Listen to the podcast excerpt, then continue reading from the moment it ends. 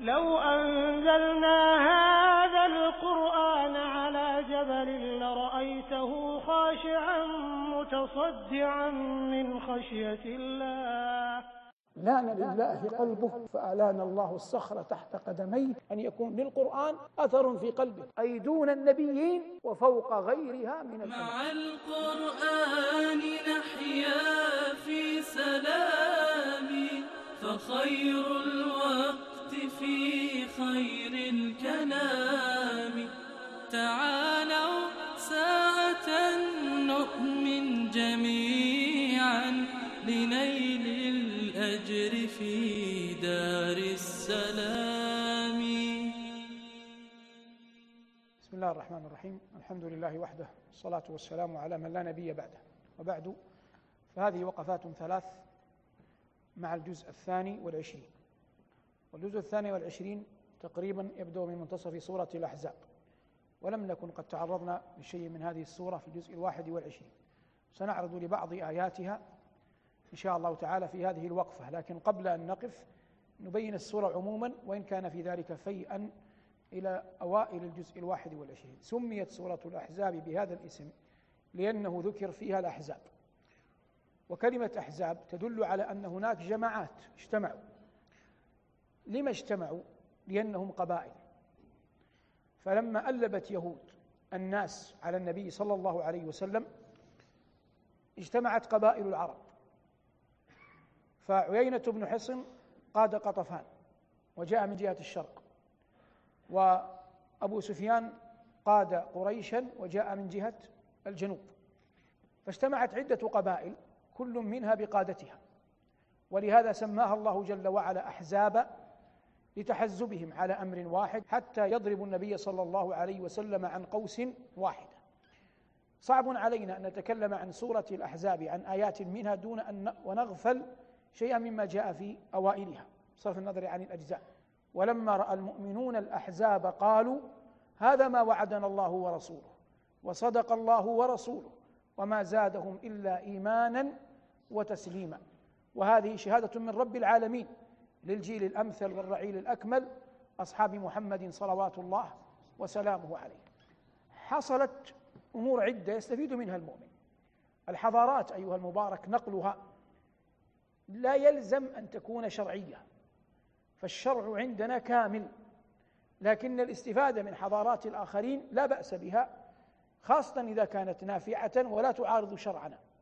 فالعرب لم تكن تعرف حفر الخندق كوسيلة لدفع العدو.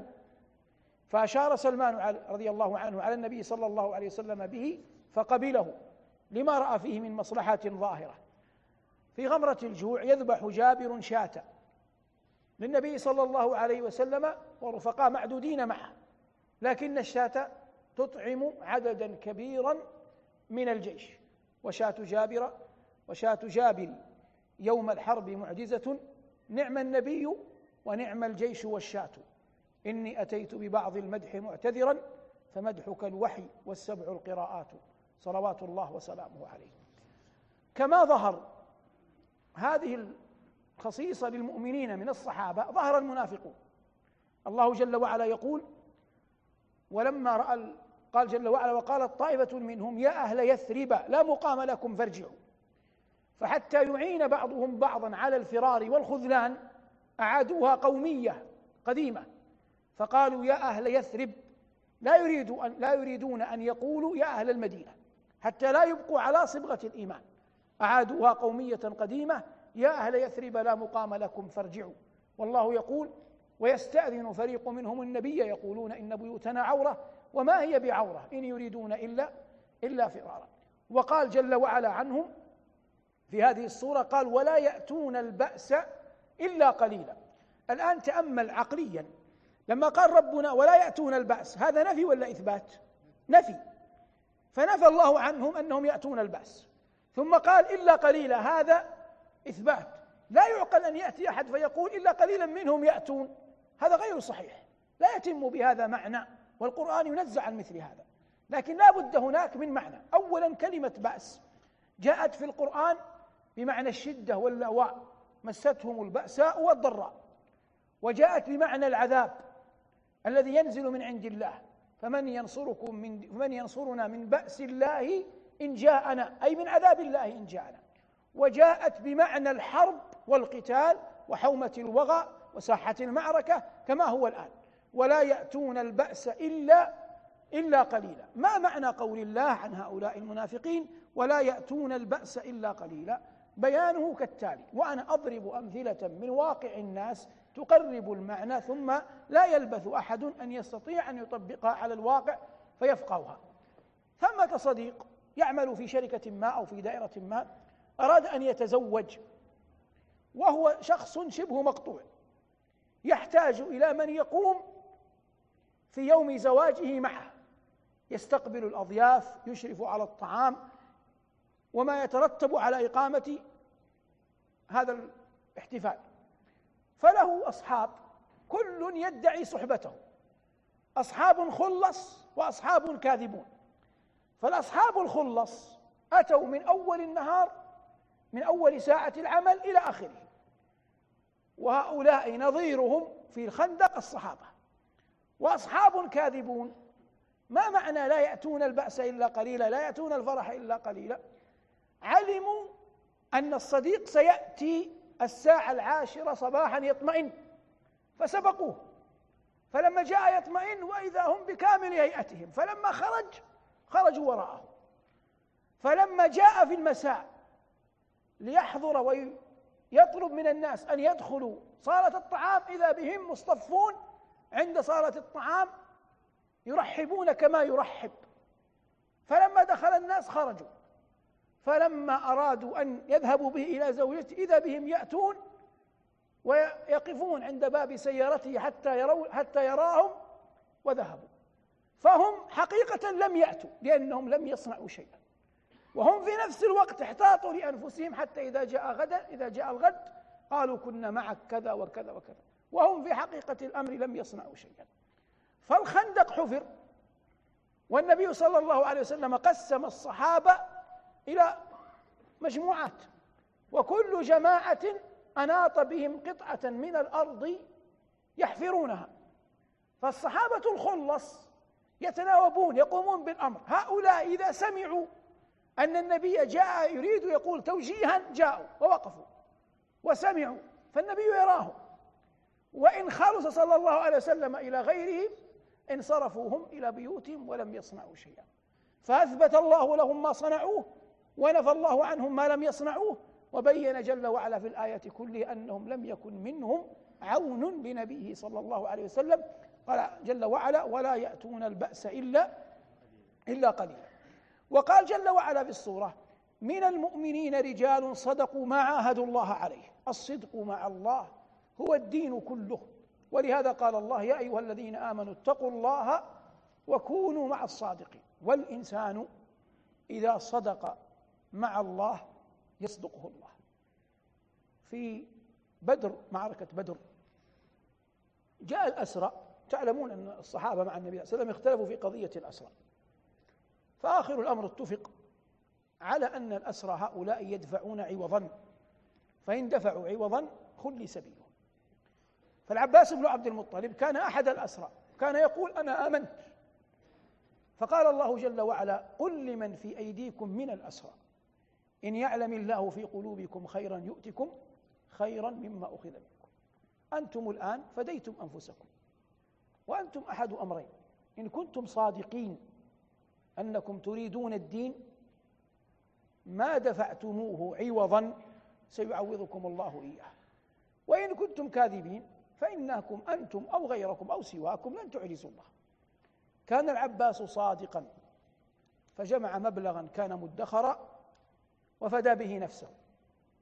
ثم إنه بعد أن عاد إلى مكة وأعلن وبقي على إسلامه لا لأنه خرج من الأسر بقي على إسلامه آتاه الله أرقاء كثيرون كثيرين قرابة العشرين فكانوا يعملون له ويأتون بالمال له فكان يجمع في اليوم في الشهر كذا كذا ألف.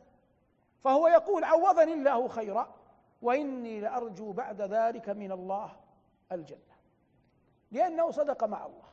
والله وحده من يتولى السرائر والصدق مع الله هو قوت القلوب وهو السبيل الأعظم إلى رحمة علام الغيوب. هذا الموقف الوقفة الأولى من الجزء الثاني والعشرين وخصصناها للتعريف بمجمل سورة الأحزاب.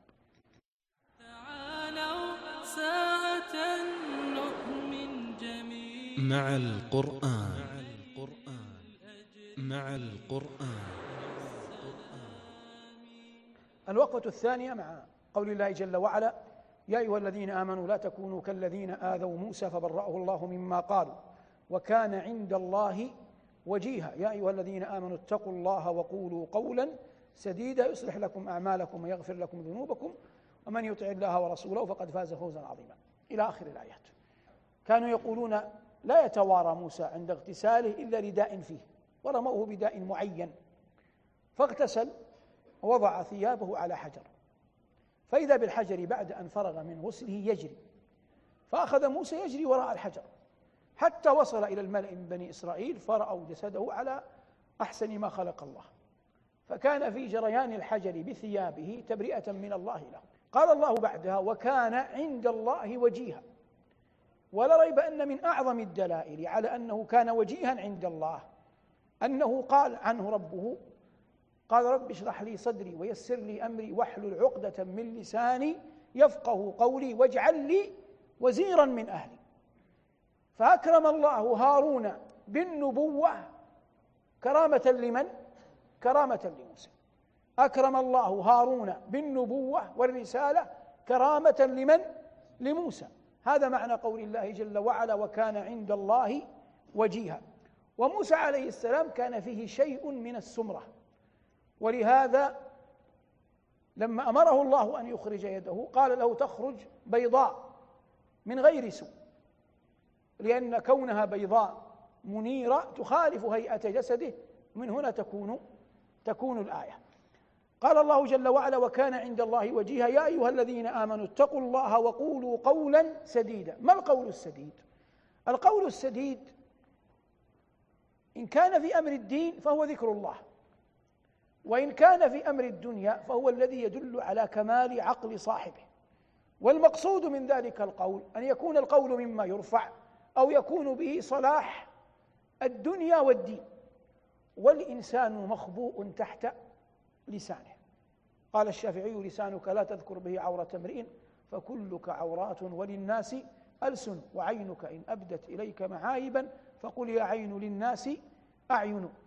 على أنه ينبغي أن يعلم أن من عدم القول السديد ما يسارع الناس فيه من الخنا والفجور والطرائف البذيئة وما أشبه ذلك عياذا بالله مما يتلبس به بعض من لا خلاق له. ومن القول السديد الأمر بالمعروف والنهي عن المنكر ونصح الناس وأعظمه كلمة التوحيد لا إله إلا الله. على أن الإنسان وإن قرأ في القرآن ما يدعوه إلى صالح العمل فليعلم أن التوفيق من الله. تسمعون بأديب اسمه ابن مسكويه. اتخذه أحد الخلفاء العباسيين مؤدبا لولديه. فكان الولدان يجلسان عنده ويتلقان لديه العلم والأدب. فكان في ذات يوم وهو يدرسهم ضحى أخبرهم بأن الإنسان قد يعثر برجله فلا يلبث أن يقوم. فإذا عثر بلسانه فقد يكون في عثرة لسانه هلاكة وأخذ يحذرهم من عثرة اللسان وأن الإنسان ينبغي عليه أن يحتاط في في قوله. ما إن جاء آخر النهار إلا وجاء هو للخليفة وكان الخليفة يجله. لأنه مؤدب ولديه فجلس عنده. وبينما هو جالس عند الخليفة دخل ولدا الخليفة. فالخليفة لما رأى ولديه أعجب بهما. وهو عباسي يعني من آل البيت. فالتفت إلى ابن مسكويه وقال يا ابن مسكويه قال نعم. قال أيهما أفضل ابناي أم الحسن والحسين؟ فابن مسكويه كل مسكة عقل في رأسه ذهبت. لأن السؤال غير مقبول. فقال أيهما أفضل ابناك أم الحسن والحسين قال نعم. قال والله لقنبر. قنبر هذا خادم علي. لقنبر خادم علي أفضل منك ومن ابنيك. فلما قال له إن قنبر أفضل منك ومن ابنيك اشتاط الخليفة غضبا. ودعا جنده وأمرهم أن يخرجوا لسان يخرجوا لسانه من قفاه. فمات من ساعته. موضع الشاهد أين؟ هو قبل قليل قبل ساعات. يشرح للصبيين أن الإنسان ينبغي أن يحتاط حتى لا يقع من عثرة في لسانه. ثم آخر النهار يموت هو بعثرة في لسانه. الله أعلم بسرته مع ربه ولا ندخل في هذا الباب أبدا. لكن الكلم مع الناس يحتاج إلى مزيد عقل. لكن الآية هنا تقول وقولوا قولا سديدا. كان النبي صلى الله عليه وسلم يعلم عليا في دعائه أن يقول اللهم ارزقني الهدى والسداد. اللهم ارزقني الهدى والسداد. فالإنسان حتى أحيانا في طلبه في رغبته في حاجته لا يحسن كيف يعبر عنها. والموفق الله الكلمة أحيانا تخرج فينفع الله جل وعلا بها. يقولون إن أحد الخلفاء صعد على منبر وقام يخطب متكئا على عصا وكان أول يوم له وهو يتكلم سقطت العصا. فارتج عليه ونظر الناس إليه نظرة تشاؤم يعني أن ملكك لا يدوم لأن العصا سقطت. فقال له أحد الناس يريد أن يخفف المصاب عليه. فألقت عصاها واستقر بها النوى كما قر عينا بالإياب المسافر. فجاء البيت بردا وسلاما على من؟ على الخليفة لينقلبها من التشاؤم إلى إلى التفاؤل. وأكمل الخليفة خطبته وأكرم ذلك بعد بعد أن فرغ من خطبته. القضية كلها أن الإنسان يتقي الله في في قوله. وقولوا قولا سديدا. إن تم هذا قال رب العالمين جل وعلا وهذا جواب الأمر يصلح لكم أعمالكم ويغفر لكم ذنوبكم وهذا يصلح لكم أعمالكم هو التوفيق ويغفر لكم ذنوبكم لن يخلو أحد من ذنب ومن يطع الله ورسوله فقد فاز فوزا عظيما علق الله الفوز الحق العظيم على طاعته وطاعة رسوله صلى الله عليه وسلم. ثم قال أصدق القائلين إنا عرضنا الأمانة على السماوات والأرض والجبال. واختلف الناس في المقصود بالأمانة. والذي يغلب على الظن عندي أن المراد بها التكليف عموما. عرضها الله جل وعلا على السماوات والأرض والجبال. وقال جل وعلا فأبين أي فامتنعنا. أن يحملنها أي الأمانة. وأشفقن منها أي أي أشفقن أي أن السماوات والأرض والجبال أشفقن من حملها. فقول الله جل وعلا فأشفقن منها دليل على أن إيباءهم كان إشفاقا لا استكبارا. أن امتناعهم كان إشفاقا لا استكبارا. بخلاف ما مر معنا من أن إبليس فأبى فأبى واستكبر. فأبين أن يحملنها ثم قال الله جل وعلا وحملها الإنسان. أي أمانة التكليف. كان ظلوما جهولا. ظلوما لنفسه وهذا جنس الإنسان الكافر. ظلوما لنفسه جهولا بربه. الإنسان الكافر ظلوما لنفسه جهولا بمن؟ جهولا بربه. لما قلنا ظلوما لنفسه؟ لأنه يعجز أحد أن يظلم الله. وما ظلمونا ولكن كانوا أنفسهم يظلمون. ثم قال الله ليعذب الله المنافقين والمنافقات والمشركين والمشركات ويتوب الله على المؤمنين والمؤمنات وكان الله غفورا رحيما. ذكر الله جل وعلا الطوائف الثلاثة. المنافقين وأهل الإشراك والمؤمنين. فحكم بالعذاب على أهل النفاق وعلى أهل الإشراك وقدم أهل النفاق لأنه قال جل وعلا في سورة أخرى والقرآن يعضد بعضه بعضا إن المنافقين في الدرك الأسفل من النار. والنفاق هذا كان على زمن النبي صلى الله عليه وسلم يظهر بعضهم الإيمان وهو يبطن الكفر مع أنه يرى النبي عليه الصلاة والسلام ويسمع قوله لكن الهداية من الله. ثم لما ذكر أحوال أهل العذاب أردف بذكر أحوال أهل النعيم. فقال جل وعلا ويتوب الله على المؤمنين والمؤمنات. وتوبة الله على عبد تعني رحمة الله جل وعلا بذلك العبد وقبول عمله وعفو ذنبه ومحو زلله. وهذا كله من دلائل غفران الله جل وعلا لذلكم العبد ورحمته به. ولهذا قال الله وكان الله غفورا رحيما. وكان الله غفورا رحيما. وهما اسمان عظيمان. لربنا تبارك اسمه وجل وجل ثناؤه. هذه آيات ختم الله جل وعلا بهن سورة الأحزاب. تحدثنا عنهما تحدثنا عنها إجمالا في وقفتنا الثانية من الجزء الثاني والعشرين. وننتقل بكم إن شاء الله إلى الوقفة الثالثة. تعالوا ساعة نؤمن جميعا. مع القرآن. مع القرآن. هذه الوقفة الثالثة من الجزء الثاني والعشرين وهي عند مقطع آية. قال ربنا إنما يخشى الله من عباده العلماء. الخشية هي الخوف المقترن بالإجلال. هي الخوف المقترن بالإجلال. والأسلوب في الآية أسلوب حصر. فقصر الله جل وعلا خشيته الحقة على العلماء. والعلماء جمع عالم والمراد به هنا العلماء العاملين والمراد به هنا العلماء العاملون. فبادره وخذ بالجد فيه فإن آتاكه الله انتفعت فإن أوتيت فيه طويل باع وقال الناس إنك قد رأست فلا تأمن سؤال الله عنه بتوبيخ علمت فهل عملت.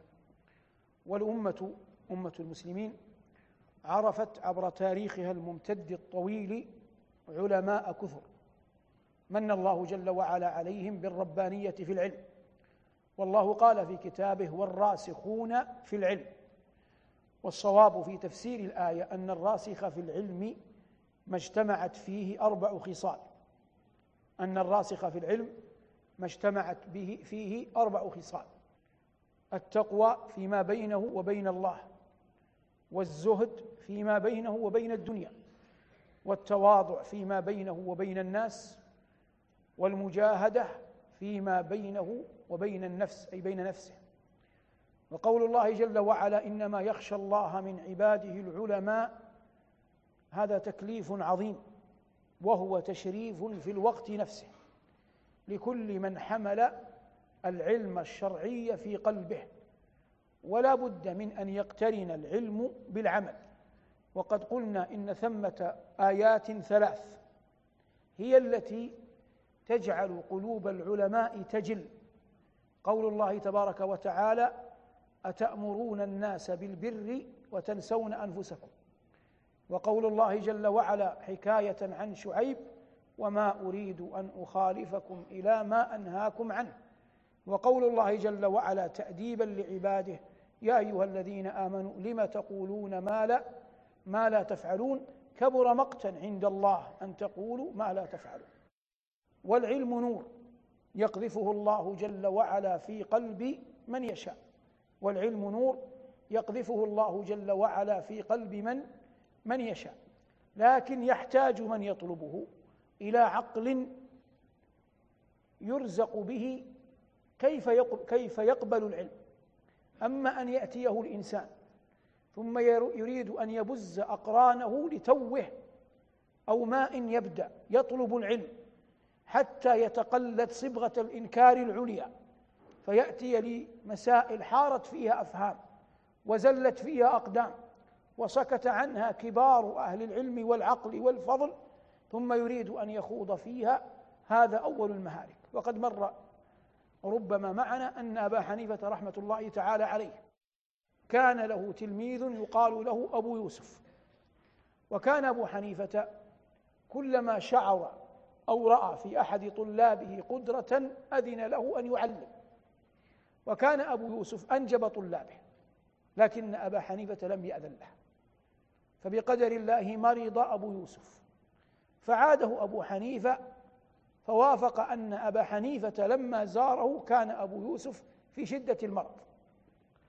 فخرج من عندي وهو يقول إنا لله وإنا إليه راجعون لئن مات هذا الغلام ليفقدن العلم أحد رجالاته. فلما لقد كنت أعده للناس من بعدي وخرج. عاد الطلاب إلى أبي يوسف قالوا له إن الإمام يقول كذا وكذا وكذا. ما لبث أبا أبو يوسف أن برئ. فلما برئ لم يعد للحلقة واتخذ لنفسه حلقة في مسجد آخر. فبينما أبو حنيفة يدرس قال ما فعل الله بأبي يوسف؟ قالوا برئ. قال أين هو؟ قالوا اتخذ مسجدا حلقة في مسجد بني فلان. فقام أحد الطلاب وقال اذهب إليه. وقل له إن غسالا استودع ثوبا من رجل ليغسله. فلما جاء الرجل ليأخذ الثوب أنكر الغسال أن يكون قد أخذ شيئا. فهل له بعد ذلك تاب الغسال. فاستدعى صاحب الثوب وأعطاه الثوب مغسولا. فهل له أجرة أو ليس له أجرة؟ فإن قال لك له أجرة قل له أخطأت. وإن قال لك ليس له أجرة قل له أخطأت. أخذ الشاب قول من الإمام وذهب إلى الحلقة فرغ أبو يوسف من الدرس قال له الخبر. مكث أبو يوسف قليلا قال ليس له أجرة. هذا مالئ يده من الجواب قال أخطأت. قال نعم نعم له أجرة. قال له أخطأت وخرج.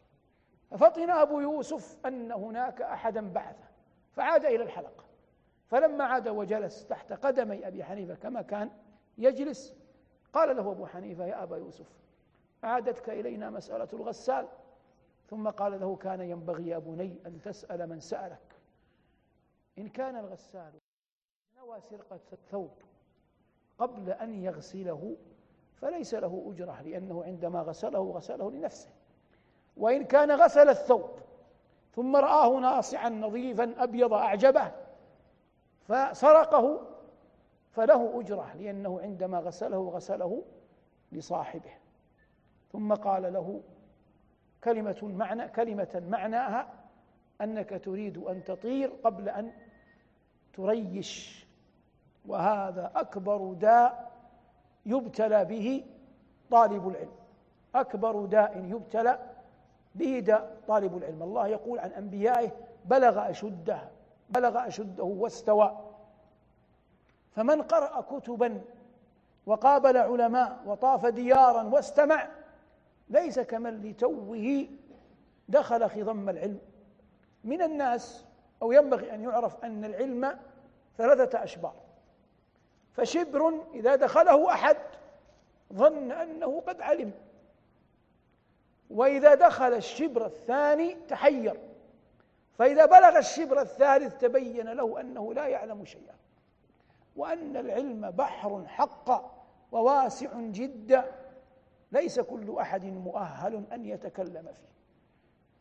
وعلى هذا الوصية الحقة بأن يمكث الإنسان دهرا يجمع ويستمع ويخالط أهل العقل.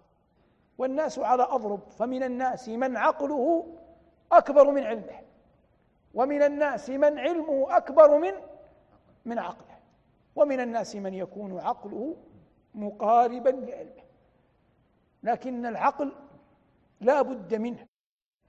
ولا يمكن أن يتصدر للناس. من يريدهم المهالك دون أن يشعر دون أن يفقه حقيقة القرآن أو حقيقة السنة. وغياب الخشية لأنه لو علم العلم الحق حق العلم حقا لعلم أن أعظم العلم المعرفة بالله. والعلم بالله أعظم دافع على أن المرء لا يتجرأ لا يتجرأ على الفتيا ومالك رحمه الله وهو مالك. قال الشافعي إذا ذكر مالك إذا ذكر العلماء فمالك النجم. ما أكثر ما كان يقول في مجلسه لا أدري وهو مالك. ومع ذلك يأتي من صغار الناس من صغار الطلبة من ينكر؟ من غير أن يشعر فقه المسألة ولا أين المصلحة في القول على غيره وهو لتوه لم ينضج عوده ولم يستقم على سوقه. والمقصود حتى لا نعنف على أحد أن العلم الحق هو العلم الخشية. فإذا فرغنا من علماء الأمة نقول لكل أحد يسمعنا. كل من أطاع الله وخشيه فهو عالم بمقدار طاعته. وكل من عصي الله فهو جاهل بمقدار معصيته. وإلا كل من أطاع الله فهو عالم حقا. يقال إن الإمام أحمد رحمه الله قيل له في رجل ما كان لديه كبير علم؟ سأله ابنه أو أحد الناس قال له يا أبا عبد الله إن نراك تبجل فلانا وليس معه من العلم كبير علم. قال يا بني معه العلم كله معه رأس العلم معه خشية الله. وكفى والله بخشية الله علما. كفى بخشية الله تبارك وتعالى علما لأن الإنسان في قبره. لن يسأل مسائل نحوية ولا بلاغية ولا ما يتفكه به اليوم علميا في المجالس إنما يسأل عن عمله عن صالح عمله أو أو عن سيء عمله. والمقصود إذا كان عمله مقترنا بالخشية فقد نجا بصرف النظر عن المتون التي يحفظها والتي يجهلها. وإن كان عمله غير مقترن بالخشية فقد هلك. فخشية الله جل وعلا هي رأس العلم كله. وقد مر معنا لئن بسطت إلي يدك لتقتلني ما أنا بباسط يدي إليك ليقتلك إني أخاف الله رب العالمين. والله جل وعلا جعل خشيته أعظم صفة لأنبيائه. قال الله الذين يبلغون رسالات الله ويخشونه ولا يخشون أحدا إلا الله وكفى بالله حسيبا. كيف يجعل الإنسان في نفسه تلك الخشية؟ القرآن وقراءة السيرة لكن قراءة القرآن والنظر في المصحف وتدبر الآيات وقراءة ما أثنى الله به على نفسه أعظم ما يورث الخشية في القلب. ألم تر إلى ربك كيف مد الظل ولو شاء لجعله ساكنا ثم جعلنا الشمس عليه دليلا ثم قبضناه إلينا قبضا يسيرا وهو الذي جعل لكم الليل لباسا والنوم سباتا وجعل النهار نشورا وهو الذي أرسل الرياح بشرا بين يدي رحمته وأنزلنا من السماء ماء طهورا لنحيي به بلدة ميتة ونسقيه مما خلقنا أنعاما وأناسيا كثيرا يجتمع في هذه الآيات أمران. أولاها هذه الأفعال لا يقدر عليها إلا الله. والآخر أن هذا القول هو قول الله وكلامه. فلا يمكن لأحد أن يقوله البتة. هذا كلام الله. يتمدح به ويتمجد ويثني به على ذاته العلية. من لم تصل به هذه الآيات إلى الخشية وأضرابها من القرآن لا يمكن أن تصل الخشية إلى قلبه والعلم عند الله. مع القرآن نحيا في سلام فخير الوقت في خير الكلام. بتفسير وأخبار حسان عن المختار نبراس الظلام مع القرآن إحساس تسامت به الأرواح في أعلى مقام.